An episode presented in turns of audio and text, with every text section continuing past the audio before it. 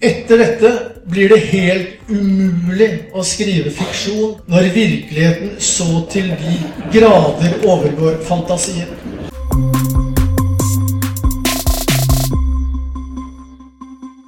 Det er en del som tror at amerikanere ikke leser bøker. At det er et, et ikke-boklig land. Men det er det på ingen måte. Altså USA er et land av lesende mennesker. Og husk nå at da 11.9. skjedde, så satt president George Bush og leste høyt fra en bok for en skoleklasse, 'My Little Goat'. Så det var for et lite øyeblikk så satt han der. Og hans kone, sa, som også som er bibliotekar, sa at eh, om hvordan hun traff George, så sa hun Tro det eller ei, jeg traff han i et bibliotek. Believe it or not, I met him in a library. Så USA er et land av masse flotte forfattere. Jeg har som det ble sagt her, hatt gleden av å være USA-korrespondent i, i, to perioder for både NRK og Dagbladet. En gang har jeg vært og besøkt John Irving i hans ørnerede i Vermont, og jeg har bodd i Brooklyn, hvor det er Jeg har truffet Tony Morrison, jeg har truffet uh, Paul Auster og og flere andre, og Norman Mailer. Så det er veldig mange flotte forfattere i USA. Og det er også andre ting med bøker i USA. Ja, Mange vil kanskje husker, og for de som ikke husker, så spiller ikke det en rolle, men det er en film som kom med Tom Hanks og Meg Ryan som het You've Got Mail. Den dreier seg altså om disse to personene. Den ene som eier en bitte liten bokhandel, slik vi alle elsker og husker det, hvor det luktet støv og bok med kunnskapsrike folk bak disken, som det var den gang. Og han som da skal bygge et slags bokpalass på andre siden av gaten, i flere etasjer eh, som en slags storstue. Og jeg må si at det er helt fantastisk, selv om bokhandler i USA også er i ferd med å bli lagt ned etter hvert som eh, Eh, man får eh, bøker digitalt på maskinen sin, så trenger ikke folk å gå i bibliotekene. Men de går fremdeles i bokhandelen, hvor de får lov til å bla i bøkene. Hvor det er dype sofaer å sitte i, hvor folk kan på en måte møtes over en bok. Det er en liten Starbucks-avdeling, slik at de kan få kjøpt kaffe. Vi har tilbrakt mye tid i slike sofaer i slike butikker, som også da viser at de møter opp og nyter disse bøkene på en annen måte enn i den lille over gata som ble lagt ned. Men som Eva sier, hvor de også da slår opp ikke bare i disse skjønnlitterære eh, klassikerne, men hvor de også sitter og, i fremtiden og kommer til å lese disse ti bøkene når de nå først blir skrevet. Og tenk hvor mange nobelprisvinnere som er fra USA.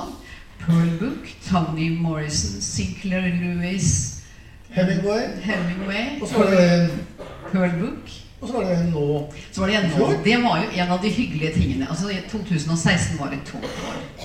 Men Bob Dylan fikk nobelprisen i litteratur. Det var tross alt noe bra som skjedde. Jeg leste nå en liten artikkel eh, fra i fjor, fra ca. 1.10. i fjor. Der sto det en lang liste da over amerikanere som på en måte sto på den listen. Der sto, det var såpass bra at der sto til og med også Jon Fosse og Karl Ove Knausgård. slik at dette var favnet hvitt. Der sto det Det eneste som var 100% garantert, var at det blir i hvert fall ikke Bob Dylan. Stod. Men det sto andre navn. Om jeg har noen flere? Det sto andre navn, ja, de som ennå ikke har fått prisen. Sånn som John Irving. Som John Irving har ennå ikke fått den. Han er, vil jeg mene er en stor kandidat, og er en stor forfatter her i Norge. Jeg er sikker på mange av dere har lest John Irving. Ja, se der. Det er mange, mange lesere. Og så Joar, er det en kjent amerikansk forfatter som på en måte tok det som har skjedd nå, som forutså det allerede for flere år siden. Ja, og Dette blir jo helt feil, for jeg skal nå begynne med, med en bok som faktisk da allerede er skrevet. Men den er veldig knyttet opp mot denne første boka, 'What the Hell Is Going On', som jo er lånt, lånt fra en kjent amerikaner. Og det er jo det store spørsmålet, faktisk, som sikkert veldig mange av dere har stilt hverandre, og slekt og venner og naboer og kolleger og sånt noe.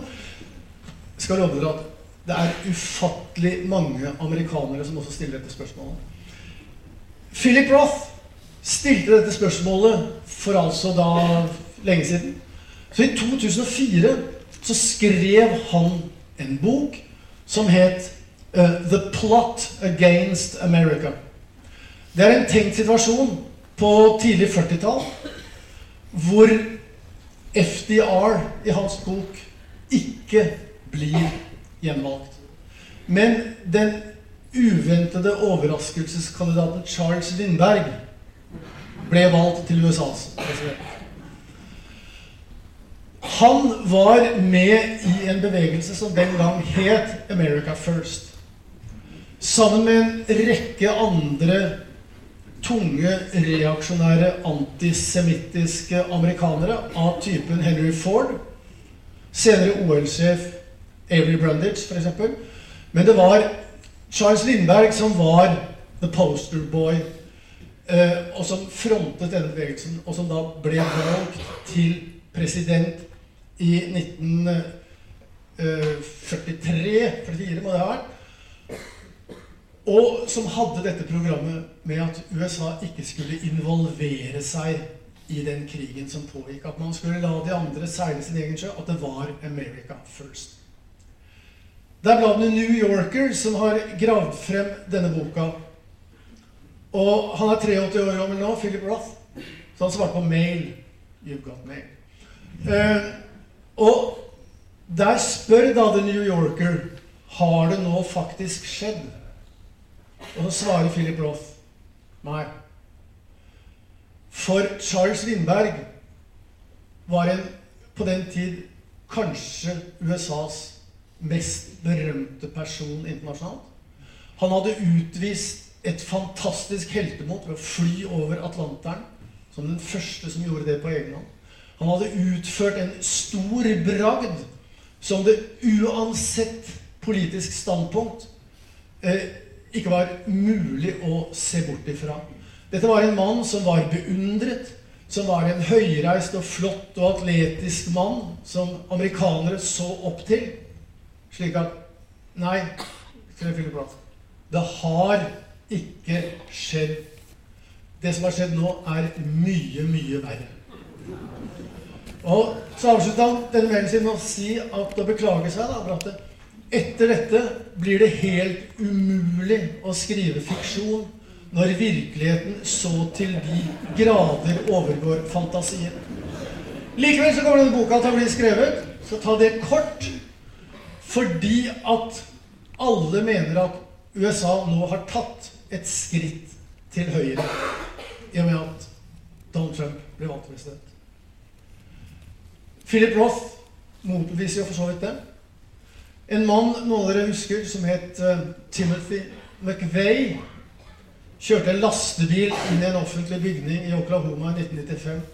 Og 168 mennesker ble drept. Da er det farlig å trekke en rett linje fra Timothy McVeigh til Donald Trump. Men det finnes 100 000 typer som riktignok ikke kjører den type kunstgjødselbaserte bomber inn i offentlige bygninger hvor det er barnehager og sykestuer, men som tilhører disse helt ekstreme bevegelsene, som hater Washington, og som elsker flagget, og som i bunn og grunn er sympatisører med det som heter Aryan Nation og andre white supremacist-grupper, og som er sterkt rasistiske, som alle er væpnet, som ikke sender barna sine til offentlig skole, som gjerne bor ute i bushen et eller annet sted. Det finnes 200 000 til som sympatiserer sterkt med disse første 100 000. Og så finnes det et grovt omland av grå, ansiktsløse, navnløse personer rundt denne kjernen som synes at disse tankene egentlig ikke er så gærne. Det som har skjedd nå, er at de som har levd på siden av samfunnet, har plutselig opplevd at de har fått en mann som sier veldig mye av det de selv tenker som har gjort at de har kommet ut av skapene og stemt på Donald Trump. som har utnyttet denne menneskemengden ganske kynisk, men som også legitimerer den type standpunkter. De er ikke lenger henvist til gard og grend i det ytterste eh, av Montana og Dakota og Wyoming. Nå er det på en måte legalt å være med på TV og si den type ting. Og ikke minst å jobbe i Det hvite hus og mene omtrent det samme. Ja, det som skjedde i fjor høst, hva var det? Hvorfor vant ikke Hillary? Hva var det med Hillary? Det har jeg spurt meg om mange ganger. Jeg har fulgt henne på veldig nært hold i mange år. Jeg traff henne første gang i 1992. Da hadde, stilte Bill Clinton til valg. Og det var allerede da en skandale den høsten. Det var Jennifer Flowers som sto fram og sa at hun hadde hatt et forhold til, til Bill Clinton. Og var, jeg var på primærvalget i New Hampshire, og ingen hadde noen som helst tro på Bill Clinton. Og av den grunn så fikk jeg da fra NRK et intervju med han. For det skal sies i, all, i sannhetens navn i år at vi står ikke først i køen, vi som representerer NRK. En, en liten kringkastingsstasjon fra et lite land. Vi står som regel langt bak og må vente etter de store og viktige. Men Bill Clinton var liksom ikke så viktig, for han var dømt til å tape. Nå ble han riktignok til comeback kid, men jeg fikk da intervju med dem rett før selve valget i New Hampshire. Og da hadde han med seg Hillary, som så fantastisk ut med en sånn hårbeile. Husker dere hun hadde hårbeile? Veldig spesielt. Og hun var veldig stand by her man i den skandalesaken med Jennifer Flowers. Og så gjorde jo han det bra i, i, det valget. Han kom inn som nummer to. Han var The Comeback king. Han som vant, het Songas. Ingen husker han lenger. Men Hillary kom på en måte skjevt ut før det. Hun var guvernørfrue i Arkansas. Hun insisterte på å beholde sitt eget navn. Hun kalte seg Hilly Rodham. Hun øh, jobbet på advokatkontoret Rose i Little Rock og gikk ikke inn i rollen som guvernørfrue. Og Bill tapte guvernørvalget da han stilte til gjenvalg. Så endret hun stil, og han vant vel da en ny periode hvor hun fikk småkrøyte hår og, og, og ble liksom en frue. Men hun kom dette dilemmaet her mellom eh, yrkeskvinnerollen og det å være frue har hun vel aldri egentlig klart å komme helt ut av før hun nå spilte som presidentkandidat.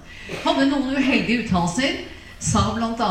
Eh, etter Monica Lewinsky-affæren Eller det var etter Jennifer Flowers. Det var så mange damer at de går helt i sur. Ja. Så sa han I could have stand by my man like a Tammy Wynette. Dere kjenner den sangen, eh, countrysangerinnen Tammy Wynette. For det første ble Tammy Wynette ble eh, fornærmet, og veldig mange andre ble fornærmet på vegne av henne. Så uttalte hun at I could have stayed home and baked cookies. Jeg kunne ha vært hjemme og laget småkaker. Og småkaker har en helt spesiell rolle i USA.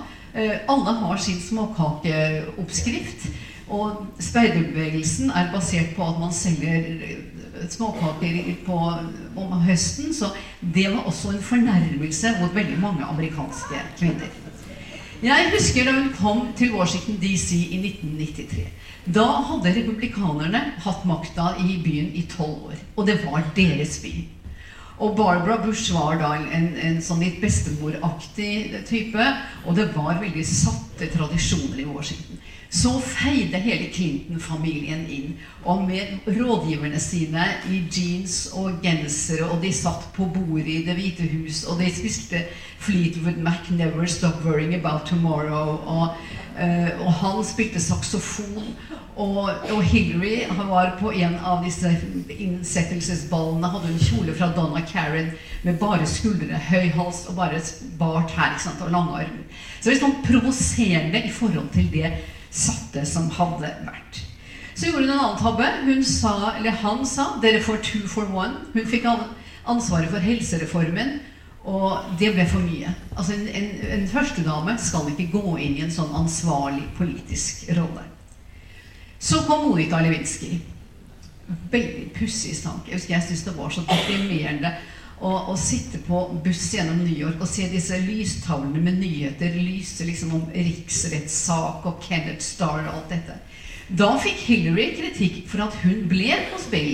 Da var det flere som kritiserte henne fordi at hun ikke reiste, tok sin hatt og gikk, men at hun ble hos ham. Så ble hun senator i New York. Det var en rolig og en populær periode. Så ble hun utenriksminister. Det gikk ikke så bra. Eh, det var en tåpelig e-postskandale. Vanskelig å forstå hvorfor hun gjorde dette grepet med å ha sin egen server. Hvorfor skulle man det? Det er jo mye bedre å være innenfor det beskyttede Utenriksdepartementet-systemet, men det valgte hun da. Eh, hun fikk ansvaret for Benghazi, altså at den amerikanske ambassadøren Ambassaden i Benghazi ble bombet, og at ambassadøren døde. Og hun hadde blitt advart og sagt at her bør du sette inn sikkerhetstiltak. Da kan man si at det, hun fikk skylden for det. Det er jo etterpåklokskapens klare lys å si det at det var hennes skyld. Men sånn er jo politikken. At den som er på vakt, er den som også må ta ansvaret. Som presidentkandidat så var hun more of the same. Hun tilhørte eliten, og de kreftene som Joar nettopp snakket om, klarte å nagle dette elitepreget og uredelig-preget på henne. Og hun var ikke god nok selv til å stå opp imot det. Hun eh, besøkte ikke Hun regnet seg som sikker på seier i viktige stater som Wisconsin og Michigan, store industriarbeiderstater. Tradisjonelt demokrater. Så hun, hun, hun var for seiersikker. Hun trodde at, at hun skulle vinne. Hun var helt sikker på det.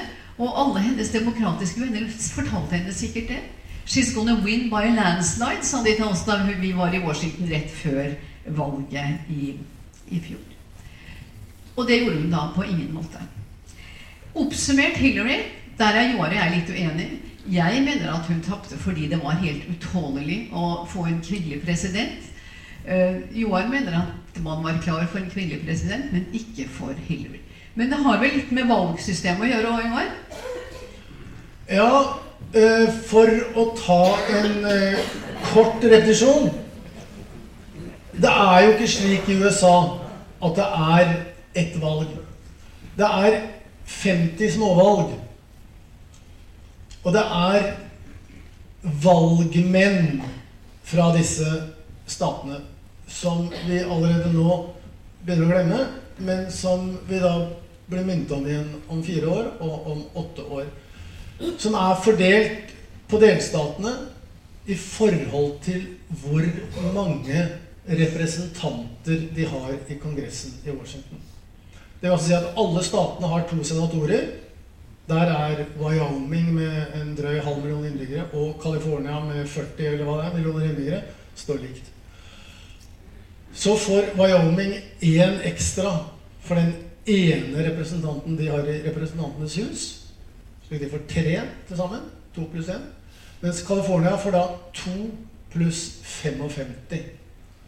For California har 55 representanter i Kongressen. California stemmer nesten alltid enten på demokratenes kandidat, eller så stemte de på Ronald Reagan, som nesten var demokrat, eh, og som i hvert fall var fra California. Og så syns de vel ikke så veldig mye om han eh, Walter Mundal da, fra, fra Sogn, som ikke hadde samme appell som Ronald Reagan hadde. Men, Han som ble kalt den norske tømmerstokken. Ja. Men så har, så har veldig mange nå i ettertid da, syntes at dette er et fantastisk urettferdig valgsystem. Hillary Clinton fikk nærmere tre millioner flere stemmer enn Donald Trump. Hun vant altså valget hvis man ønsker å se det sånn. Det samme skjedde i år 2000, da Jo Al Gore så altså fikk en halv million flere stemmer enn eh, George Bush. Han vant også valget. Men de som vant valget, ble altså ikke presidenter. Eh, det var som eh, Det var som Nils Arne Eggen sa da John Carew kom til Rosenborg og lagde et strålende mål og Nils Arne ble rasende, for han sa det er ikke sånn vi skal skåre mål i Rosenborg. Og der sier Donald Trump noe av det samme. Altså, ja, det, det er jo ikke spørsmål i USA om å få flest mulig stemmer. Spørsmålet er om å vinne flest mulig stater. Det er som Viking. Hvis Viking hadde vunnet De spiller 30 kamper nå. Hvis Viking hadde vunnet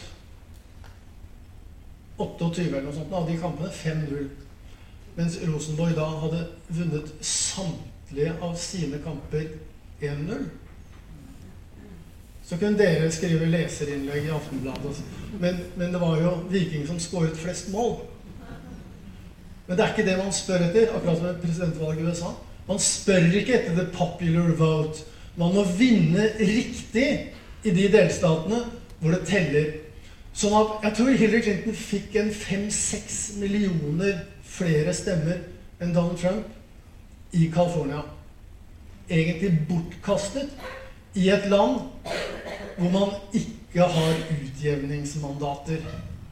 Og det er utjevningsmandater det er noe så sosialdemokratisk og rettferdig og litt sånn pysete at det kommer aldri til å bli foreslått i denne boka, som ennå ikke har kommet. Men de diskuterer jo dette valgsystemet hele tiden. Og det justeres i forhold til New York, som hadde flest tidligere Nå har Florida flere innbyggere enn New York hadde. Eh, for 30, nei, altså På 30-tallet så hadde jo New York eh, to-tre ganger så mange valgmenn som Florida er. Nå har altså Florida flere. slik at hver folketelling hvert tiende år så justeres antall representanter, og dermed også antall eh, valgmenn. Eh, og det er det beste de har. Og som Donald Trump sa at eh, hadde det vært spørsmål om å få flest stemmer, så hadde jeg selvfølgelig drevet valgkamp på en annen måte. Da hadde jeg dratt til California, så hadde jeg fått flere stemmer der, så hadde jeg vunnet uansett. Så langt ferdig med det. Og så skriver han etter en ny sånn presidential eh, order. Slik at konkurransen består i å vinne de 50 statene. Og det tror jeg sitter så dypt i USA, altså statenes uavhengighet, at små stater, akkurat altså som Finnmark er ikke spesielt liten, men det er tynt befolket. slik at enhver stortingsrepresentant fra Finnmark har færre velgere bak seg enn f.eks. representanter fra Oslo. Det finnes ikke det perfekte system. Og siden dette har skjedd både i 2000 og 2016, så virker det som det skjer hele tiden. Men det skjedde ikke én eneste gang i det 20. århundret. slik at Man må tilbake til 1800-tallet for å finne forrige gang dette skjedde. slik at det er ikke så hakkende gærent likevel. Men det er klart det er forferdelig gærent i år. Men helt til slutt Det var jo en stor demonstrasjon i Washington, hele verden for øvrig, i alle 50 stater i USA, dagen etter at Donald Trump ble innsatt. Og som Trump i og for seg helt presist sa Jøss, har ikke vi nettopp hatt et valg? Hvor var disse folka da? Og det er et veldig godt spørsmål. For hvis det hadde vært utvist et like sterkt og intenst og aktivt anti-Trump-hat i november som i januar. Så man, vi, vi hadde stått her likevel, for dette ble avtalt før valget. Men det er ikke sikkert alle dere hadde sittet her, og man hadde hatt en helt annen situasjon. En bok som helt sikkert blir skrevet, er boken om Michelle. Det er veldig mange som i valgkampen nå tenkte at enn om hun kunne ha vært presidentkandidaten. Det hadde nok det med å gjøre at han ikke syntes de andre kandidatene var noe særlig. Og så kom Michelle på scenen, så var det tenkt ja, henne skulle det ha vært. Og hun er jo veldig flott. Jeg syns også hun er helt fantastisk flott. Men hun er altså en aktivist. Michelle er liksom en, en, en, en som har kampsaker fra Southside Chicago. Hun er jurist. Og hun har liksom jobbet med, med, ungdom i vanskeligheter. Og hun, som mannen hennes sier, hun har verken innstillingen eller tålmodigheten til å være president. Andre sier 'she hates it'. Og selv sier hun at 'jeg har forsøkt å organisere livet mitt uten for mye rot'. Og hva er det i politikken? Bare rot. Hun har en, en sterk moralsk kapital, Michelle. Det var hun som sa 'When they go low, we go high'. Og jeg så vår kollega uh, Tove Bjørgaas hadde da en, en sak fra denne demonstrasjonen som Joar nevnte, hvor de delte ut De følte at situasjonen var så håpløs at de delte ut hasjsigaretter. When they go low, we get high. Så hun har en sterk moralsk kapital. Hun er jo en etterkommer av slavebefolkningen i USA. Og har jo også understreket det og sier at jeg våkner opp hver morgen i et hvitt hus bygget av svarte slaver. Så hun har en sterk standing i kraft av liksom sin Hun er en av de som har klart det. Hun har klart å få seg en flott utdannelse. Hun er liksom en representativ, flott dame. Hun har sterke hjertesaker. Eh, og Michelle Obamas hjertesaker har vært er fysisk fostring og sunt kosthold. Hun har sørget for å få en kjøkkenhave inn i Det hvite hus. Og hun trener og går ofte i kjoler uten erm for å vise fram armmusklene. For det vil hun gjerne ha vist at kvinner skal være sterke. De skal altså ha skikkelige armmuskler. Hun eh, er aktiv i noe som kalles Let's Girls Learn, som er en, en forening for at få jenter skal få bedre utdannelse. Og hun er på en måte lett å lese. Husker dere ansiktsuttrykket hennes da hun sto der oppe på, på Capitol Hill og så på, på innsettelsesseremonien? Jeg synes Det var morsomt å se på hennes ansiktsuttrykk. Liksom, det var nesten som hun sa Er dette virkelig sant? Hennes favorittuttrykk de siste månedene har vært 'It's bittersweet'. Hun syns det er deilig å få lov å forlate Det hvite hus. Uh, få slippe all sikkerheten, slippe alt som fører med å være førstedame i Det hvite hus. Men samtidig så er det da å måtte gi fra seg den innflytelse og posisjon som det også gir. Jo, da er det et partisystem i USA som kan være litt vanskelig å forstå. Og det kan det også skrives noen bøker om. Det har det jo for så vidt også vært skrevet mange bøker om, men veldig mange av de bøkene i hvert fall som er skrevet om Det republikanske partiet, de er jo brått og med ett veldig utdatert. Donald Trump er jo ingen tradisjonell republikaner i partipolitisk sammenheng. Han har jo leflet med demokratene tidligere på samme måte for så vidt, som da Hillary Clinton jo var unge republikaner før hun hadde gått altfor lenge på universitetet og før hun traff Bill. Det er ikke så veldig stor avstand mellom disse to partiene under normale omstendigheter. Eh, det republikanske partiet de påberoper seg jo nettopp fordi at eh, det var tross alt Abraham Lincoln som reddet unionen, og han var republikaner. Nå har nok disse partiene skiftet litt posisjon i løpet av de 150 årene som har gått siden den gang. Men det spiller ikke all verdens rolle når man skal slå seg på brystet og peke bakover mot store presidenter.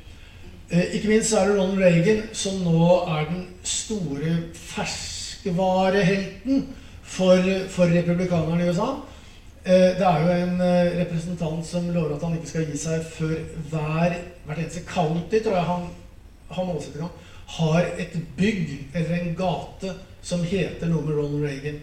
Og det er ikke veldig stor motstand mot det heller. det er Ronald Reagan, hus og gater og flyplasser og skolebygninger og den slags nesten overalt i USA. Men det blir interessant nå, for at Det republikanske partiet var den store taperen nå. Det virker pussig fordi at de har flertall i begge kamrene, og de har tross alt fått presidenten. Men det som blir den store og interessante eh, debatten å følge fremover nå, det er den splittelsen som kommer til å komme tydeligere og tydeligere eh, til syne i dette partiet fremover. Det var veldig klart under nominasjonsvalgkampen, da veldig mange av de som eh, sitter i sentrale posisjoner i eh, Kongressen, eh, gikk veldig hardt ut mot, eh, mot denne mannen, som da nå er president. Og Paul Ryan, som er speaker of the house, hvilket betyr at han er nummer tre i rekkefølgen i USA etter visepresidenten, ville ikke engang drive valgkamp sammen med eh, Donald Trump pga. det han sto for, hva han sa, hvordan han dreit ut folk han syntes var dumme, enten det var kvinner eller funksjonshemmede eller muslimer eller meksikanere eller de var i familie med Bill og Hillary Clinton. Slik at det skillet mellom gode, gammeldags, konservative, verdibaserte republikanere av typen John McCain, som mange av dere vet hvem er, og denne happy-go-lucky ADHD-handlekraftige, rastløse presidenten som dette landet tross alt har fått med hjelp av et uh, lovlig flertall, slik uh, valget foregår, kommer til å bli veldig tydelig etter hvert som han går mer og mer berserk i å foreslå pussigere og pussigere ting, som til syvende og sist Kongressen ikke kan være med på. Og det til bli veldig rart eh, når man nå skal begynne å orientere seg i retning den kommende kronprinsen i dette partiet, etter en mann som allerede har fylt 70 år, eh, hvordan eh, republikanerne kommer til å legge seg i landskapet. Om de vil prøve å satse på en ny Trump fordi at, eh, som det heter på engelsk eller amerikansk 'Nothing succeeds like success'. Og partiet hadde jo tross alt suksess med denne fyren. Eller om de går tilbake til sine mer tradisjonelle, konservative kjerneverdier som har med familieliv Bare det at republikanerne nominerer en mann som er gift for tredje gang, og, og som har en en for så vidt interessant og i enkelte sammenhenger misunnelsesverdig fortid når det gjelder damer. Eh, men det er ikke typisk for republikanerne å gjøre det på den måten. Men så har vi da Dette er valgets store taper. Men så har vi da valgets største taper. Det er Det demokratiske partiet. For det første, som Eva sa, de nominerte uten særlig debatt. Yesterday's News. Forrige århundrets First Lady. Mange mener nå man også ser hvem som til syvende og sist ble valgt. Demokratene har vært aller flinkest til å løpe fortest når det gjelder minoriteters rettigheter. Det er ikke noe gærent med det. Eh, det gjelder eh, inner city black kids, og det gjelder eh, ikke minst homser og deres rett til å kunne gifte seg. Det gjelder latinos. Det gjelder alle grupper som på en måte har rettmessige og rettferdige krav. Og ære være dem for det. Men så har de altså da på en måte glemt igjen det republikanerne også glemte. De har forlatt grasrota sin hovedbase. Og det er eh, hvite, vanlige folk som føler at eh, Ja, men hva med oss, da? Ikke sant? Hei, hva med oss? Og dermed så ble de straffet. Eh, til tross for at Barack Obama har vært president i åtte år, den første svarte, som det heter. Men de støttet åpenbart da en president med en hudfarge de kjente igjen.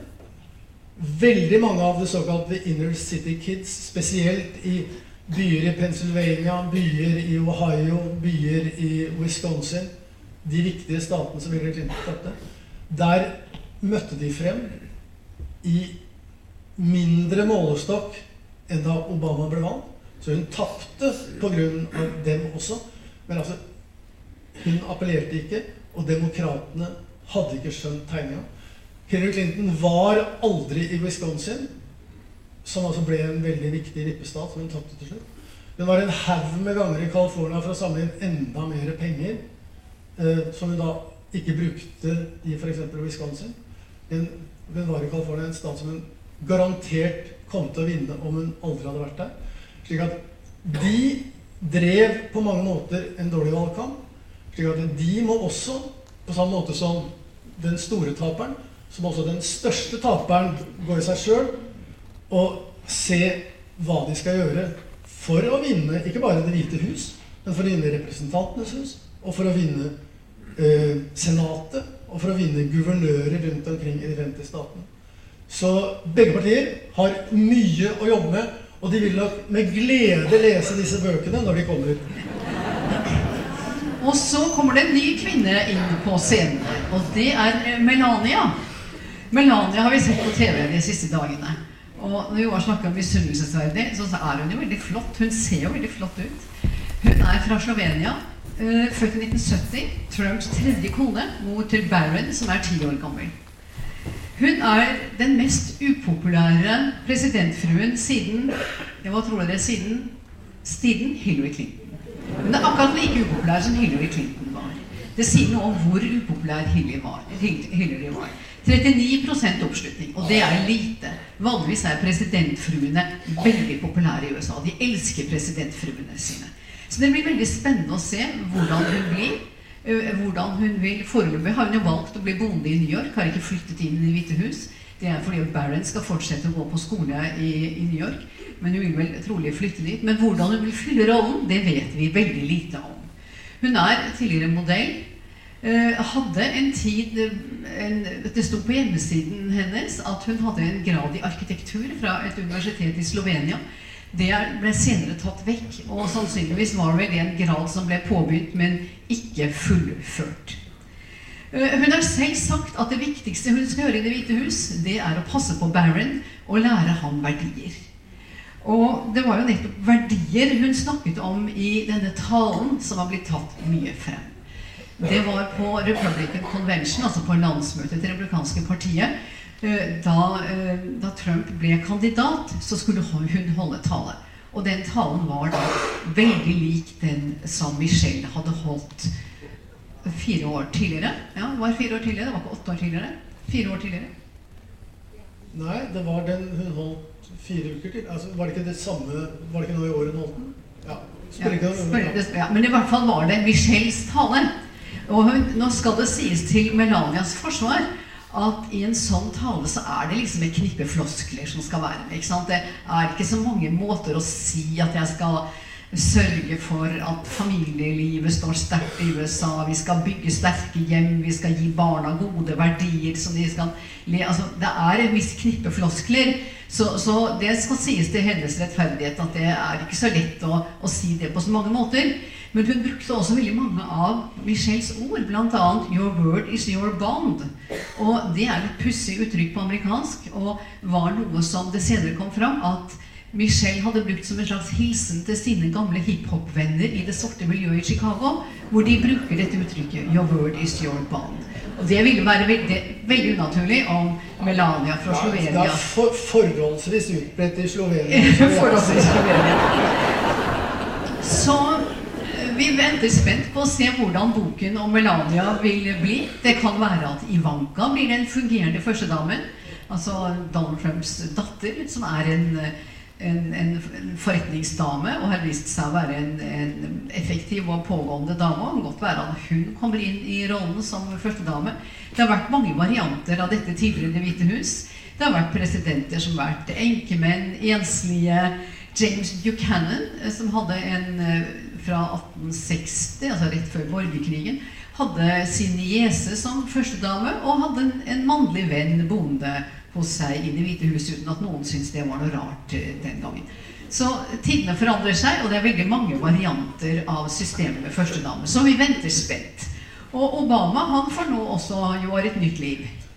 Ja, ikke bare får han et nytt liv. Han, som det står her, bokavtaler og bibliotek. Det er klart at hvis man, eh, hvis man først skriver en bok, så er det kjekt å ha et bibliotek å plassere den i. Eh, det er jo slik at amerikanske ekspresidenter eh, Det er en veldig liten og eksklusiv gruppe. Det er For tiden så er det vel da fem stykker. Det er eh, to blad Bush, og så er det to på C, som er Carter og Clinton, og så er det Obama. Eh, jeg tror faktisk aldri det har vært flere enn fem, og til tider så er det jo eh, Jeg tror kanskje det må være en periode hvor det ikke har vært noen. Men slik det er nå, så bygger jo alle et monument over seg selv. De bygger et sånn presidential library. Som de da har i Texas etter George Bush, som de har i Little Rock etter Bill Clinton, og som de nå forventes å bygge. Ikke for taxpayers money, men eh, rike venner donerer penger, og der stiller de da ut eh, gaver de har fått, eh, dokumenter, etter hvert som alt går digitalt. Og hadde Hillary vunnet, så hadde vi sikkert fått sett denne serveren. Men Men eh, dette skal bygges i Chicago, til tross for at han altså da er egentlig fra Hawaii. Det avhenger jo litt faktisk hvor disse folka er fra, hvordan man definerer, velger å definere det. Men eh, han skal bruke mye tid på det biblioteket. Så skal han holde foredrag for uh, atskillig høyere honorar enn det vi får her. Eh, og så får han Man forventer at han kanskje får oppimot 20 millioner dollar i forskudd når han nå skal skrive sine memoarer. Eh, slik at han har da råd til å gjøre det han egentlig har lyst til. Og det holder holde forelesninger på universiteter. Han, han sier at han, han syns det er fantastisk å, å liksom snakke om juss og juridiske spørsmål til en gruppe som faktisk frivillig møter frem for å høre på.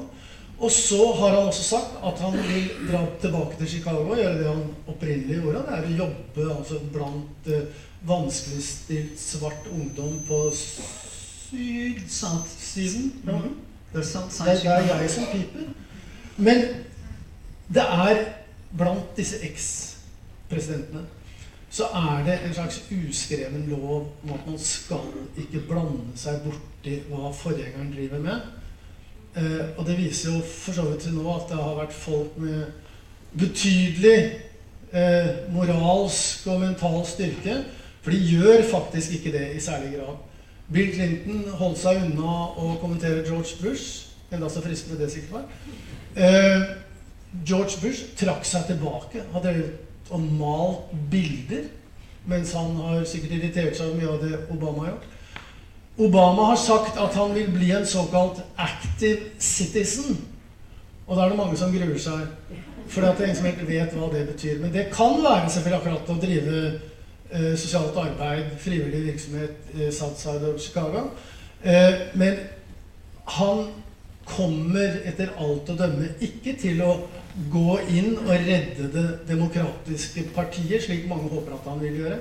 Han kommer heller ikke til å ta noen posisjoner, slik at han begynner å argumentere mot Donald Trump direkte ja, om ting Donald Trump gjør. Han driver og gjør om alt Han retter opp igjen all den skaden Obama forårsaket, som han kaller det.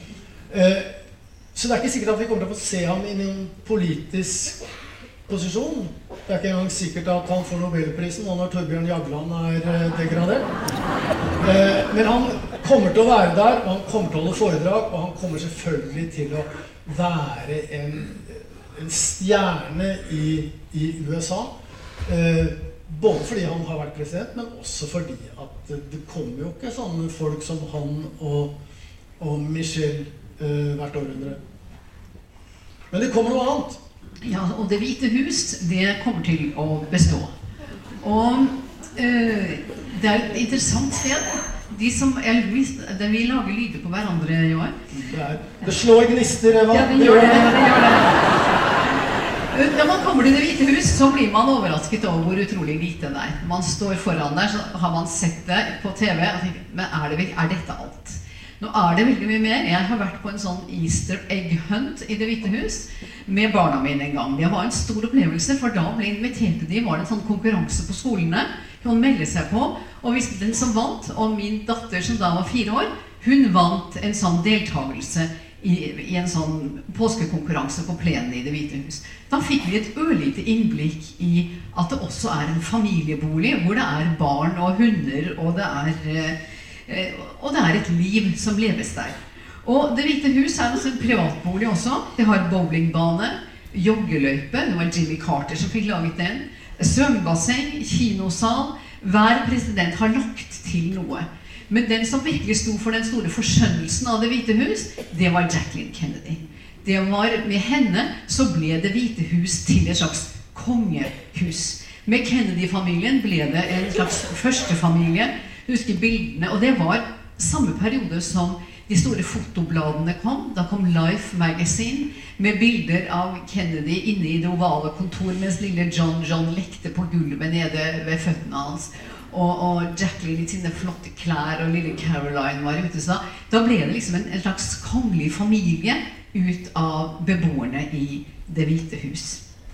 Men før det så var det mye presidenten. Calvin Coolidge Han, som, ble, som, hadde som valgspråk 'Stay cool with Coolidge', og som, som, var så kjedelig at da han døde, så sa forfatterinnen Dorothy Parker, som er en av mine favoritter, fikk høre at 'The president is dead'. Så, How can they know? Så, så da var det presidenten og konene spilte absolutt i en, var i andre, var i andre i andre rad. De var ikke De satt, de satt på andre rad? De, de satt i parkett, ja. I de siste årene har det vært mye døtre i Det hvite hus. Nixon, Bush, Obama Alle har de hatt to døtre. Bush-døtrene er kanskje de vi husker best. De ble jo tatt for underage drinking flere ganger. Nå er det riktignok veldig høy aldersgrense for alkohol i USA. Det er 23 år i noen stater. Så det var ikke så merkelig at de at, I hvert fall sett ifra et, et norsk synspunkt. Men det har vært mye jenter. Nå kommer det altså én gutt. Men det har også vært veldig mange dyr. Det har vært katter, krokodille og geiter. Theodore Roosevelt han hadde rotte, papegøye, ponni, høne og grevling i Det hvite hus. En president hadde også en liten krokodille. Eh, John Quincy Adams eh, hadde en liten krokodille som han hadde fått av en fransk diplomat, Lafayette, han som har, er statue av i Lafayette-parken utenfor Det hvite hus. Og president Benjamin Harrison han hadde en geit og da satte de geita foran en liten vogn, og de kjørte presidenten og noen av barna ned full fart nedover Executive Avenue, så frakkeskjøtene på presidenten fløy etter ham. Så sånn likte han å gjøre den gangen. Nå er det nok betydelig mer innelukket. Det er en slags uinntagelig festning, Det hvite hus nå. I min tid som korrespondent så kunne vi bare gå inn og ut med sånt internasjonalt pressepass. De siste gangene vi har vært der, så det, er det nesten blitt en uinntagelig festning. Så det er mange år siden jeg har vært inne i Det hvite hus. Uh, fruene, bare for å avslutte litt med den Edith Wilson var en av de som ikke var i, i andre rekke. Hun, noen av dem har vært syke, og fruene har vært nødt til å være i deres sted. Altså Edith Wilson ble veldig flink til å etterligne sin manns håndskrift. Så mange av hans executive orders da, de var det Edith som skrev under. Så noen av dem har hatt en veldig aktivt liv som, som sin manns altså, rådgiver. Og Rosalind Carter var også inne med, med, presidenten. Så noen av dem har vært aktive, men mange har vært i bakre rekke. Og nå gjenstår det å se hvordan det blir denne gangen. Og så er det valg igjen, da, om ikke så altfor lenge, Joar. Altså, aller først så er det jo selvfølgelig et valg til neste år. Uh, og det er viktig fordi at de som sitter i Representantenes hus, 435 representanter fra disse 50 statene, de skal gjenvelges allerede i 2018. De tenker først og fremst på sitt eget gjenvalg og sine egne velgere, og så på forholdet til presidenten. Så man kan få en ganske interessant valgkamp De har allerede begynt å samle inn penger, eh, selvfølgelig, fordi det er dyrt. Så de tenker nå på valgkampen neste år. Men det er jo den interessante valgkampen i 2020 hvor eh, eh, den kjente boka 'Aldri mer Bush og Clinton' eh, sier mye om disse dynastiene. Eh, det er kjempelett og svært fordelaktig å være etterpåklok. Og det viser seg jo at det at Hillary tapte for Obama i 2008, og at hun allerede den gang nærmest var påtenkt som kandidat i 2016, det var en veldig dårlig idé. Det er også en av grunnene til at uh, Michelle Obama ser på dette her, tenke på hvordan det gikk med Hillary, tenke på hvordan det gikk med Jeb Bush, som jo tapte for Donald Trump. Det er ikke noe moro da å gå inn der med liksom Husk hvordan det gikk med de andre som prøvde å spille på familienstrengene, og vite at eh, kanskje dette ikke går så bra. I 2020, da er Donald Trump 74 år. Uh, og det er klart han som har denne fine leiligheten i Trump Tower med alle disse her gulldekorasjonene og disse Versailles-møblementene sånn. Det er ikke sikkert at han syns det er så stas å bo i denne byen eh, Washington, i dette litt triste, hvite huset lenger. og at han har annet fore. Det kan være at man da får en slags uh, maktoverføring til Mike Pence, visepresidenten, som på det tidspunkt vil bare være 60 år, uh, og kan være en veldig god kandidat for republikanerne. Spørsmålet er, uh, og her må man bare bruke psykologi, og så langt unna vi er, og så dårlig som vi kjenner Donald Trump Det er ikke sikkert at han syns det er noe stas å gi fra seg en slik posisjon. Han han oppfatter seg selv som en vinner og som nummer én. Og han kommer sikkert til å fortsette å omtale seg selv som the best president ever. Og at America's never had a president like me. Uh, and I made America great again. Og så er det da tid for noen andre å ta over. Det vet vi ikke. Men på demokratenes side så er det da helt åpent. Uh, Elizabeth Warren som var eh, en slags utfordrer til eh, Hillary en periode. Hun vil da være 70 år. Det har jo for så vidt ikke forhindret verken eh, Donald Trump eller Hillary, som er 69, i å stille. Men det kan godt hende at andre tar til vettet og tenker som så at vi tilbringer mer tid med barnebarna oppe på hytta, som vi sier. Så det er ikke sikkert at Eh, Elizabeth Warren kom til å stille, og hun hadde ikke noen høy stjerneverdi. Bernie Sanders er nærmere 80 år i 2020. Kan være at han også vil 'call it a day', som de sier på de kanter. Det finnes noen navn som jeg har skrevet her, men som jeg ikke skal trette dere med. Men hvem som stiller i 2020 Det begynner allerede nå å tegne seg. Altså de, de første, de som føler seg kallet, uten at noen vet om at de føler seg kallet. Eh, de har allerede vært i Iowa. De har allerede begynt å, å reise rundt på landsbygda i Iowa og begynt å markere seg. For det, det, er jo der man skal ha det første nominasjonsvalget eh, i januar i 2020. Eh, det er bare snaut tre år til. Og jeg husker jeg har sett sånne statistikker over kandidater. De tilbringer altså uker og måneder i Iowa til sammen. De besøker Iowa 50 ganger og er der eh, tre-fire dager av gangen.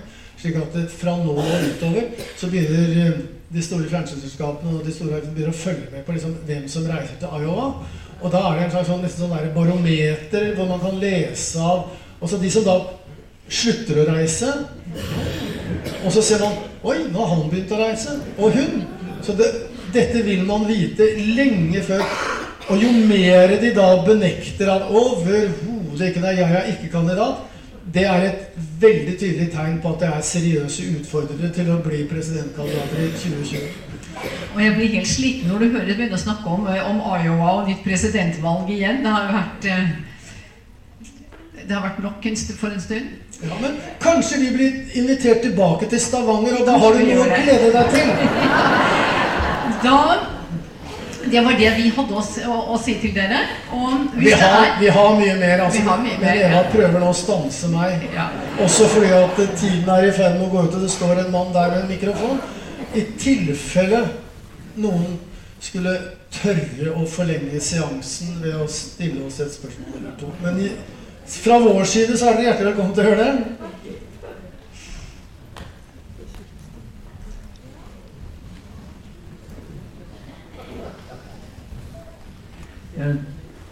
Dere gikk jo inn i begynnelsen på at det var litt spesielle og ekstreme grupper som eh, støtta Trump. Men tross alt så fikk hun jo veldig mange flere millioner stemmer. Og det kunne vært spennende å høre deres betraktninger om hvilke grupper som i tillegg til de ekstreme alt i alt støtta Trump.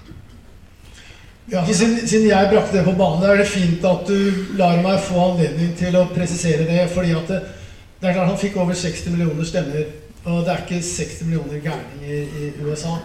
Men det var nok i enkelte stater så bidro disse gærningene til å vippe disse statene. Men utover det så har jo all noe sånn etterpåklokskap vist at eh, det i veldig stor grad har vært eh, hvite, voksne menn med relativt eh, lav utdannelse eh, som jo i stor grad føler at eh, de ikke har fått være med på tross alt den eh, velstandsutviklingen som enkelte har opplevd. De føler at reallønna har sunket, og de ser ikke minst akkurat dette som vises så nøye i disse dager, at det, det er klart det er andre land som lager ting som de kjøper i USA nå. Hvis man går inn på en Walmart i USA, så vil man si at det er nesten alt er laget i Kina. Jeg så en eh, karikaturtegning en gang hvor det sto 'Amerikansk jul uten Kina'. Og der var det, der var det et glissent tre uten barnåler eller noe. Det var en liten sånn der, to planker som var juletrefot. Det var ikke noe pynt og ingen presanger. Og det er nok typisk, fordi at tidligere så ble jo da juletrærne til og med laga i USA. Eh, gavene ble laget i USA. Eh, strømpa som det henger på peishylla, ble laget i USA. Godteriet ble laget i USA. Presanger. Alt ble laget i USA. Slik det er en god illustrasjon som det da er lett å spille på for de som med enkle forklaringer sier at 'jeg skal uh, skaffe jobbene tilbake'. Slik at det var den hardcore arbeiderklassen som tidligere i veldig stor grad har stemt på Demokratene, som nå føler at det er ikke noe framtid lenger med Demokratene, så de har stemt på Republikanerne. Og ikke minst da i disse viktige delstatene, altså de så det såkalte rustbeltet, hvor, hvor de også vitterlig da har mistet arbeidsplasser når Donald Trump står i Pittsburgh var det vel, og snakker om at eh, Nok en gang så skal vi bygge over amerikanske hus skal reises med hjelp av stålbjelker laget her i Pennsylvania. Og så vet, så vet alle at samtlige hus som bærer Trumps navn, er bygd med stål importert fra Kina. Så høres det jo en smule hult ut. Men så stemte han likevel. slik at det, det er en veldig viktig kjernegruppe som stemte på Trump. Og så er det den andre gruppa som stemte på Obama, men som ikke gadd å møte frem og stemte på Hillary i det hele tatt. Vi har tid til ett eller to spørsmål til, har vi ikke det? Ikke hvis jeg gir like lange Nei, du må skjerpe deg på det.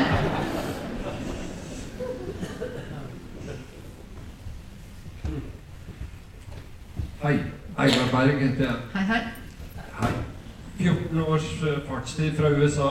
Jeg har eh, amerikansk kone og en sønn som ble født eh, mens jeg jobba for UD i New York. De to stemte begge to i dette valget, men de stemte ikke på herr Trump. Um, det som jeg stusser på, er i grunnen hvorfor det store landet, som er så innmari splitta, ikke har større valgdeltakelse. Det syns jeg er veldig merkelig, hvis du ser på tallene for det og sammenligner med både Norge og en del andre land. Har dere noen tanker rundt det? Nei, altså For det første så må man jo registrere seg som velger i USA. ikke sant? Man, man er jo ikke som i Norge en velger ved å være født i kongeriket, og det kommer en stemme, en, en, et sånt valgkort hjem til en. Man må gjøre noe aktivt. Man har forsøkt å gjøre det f.eks. knyttet opp mot at man tar førerkort. For det gjør jo veldig de fleste amerikanere, at man da har en mulighet til å registrere seg som velger. Så allerede der ligger det jo en, en siling. Og så har det vært sterke bevegelser i retning av å gjøre det vanskeligere å velge.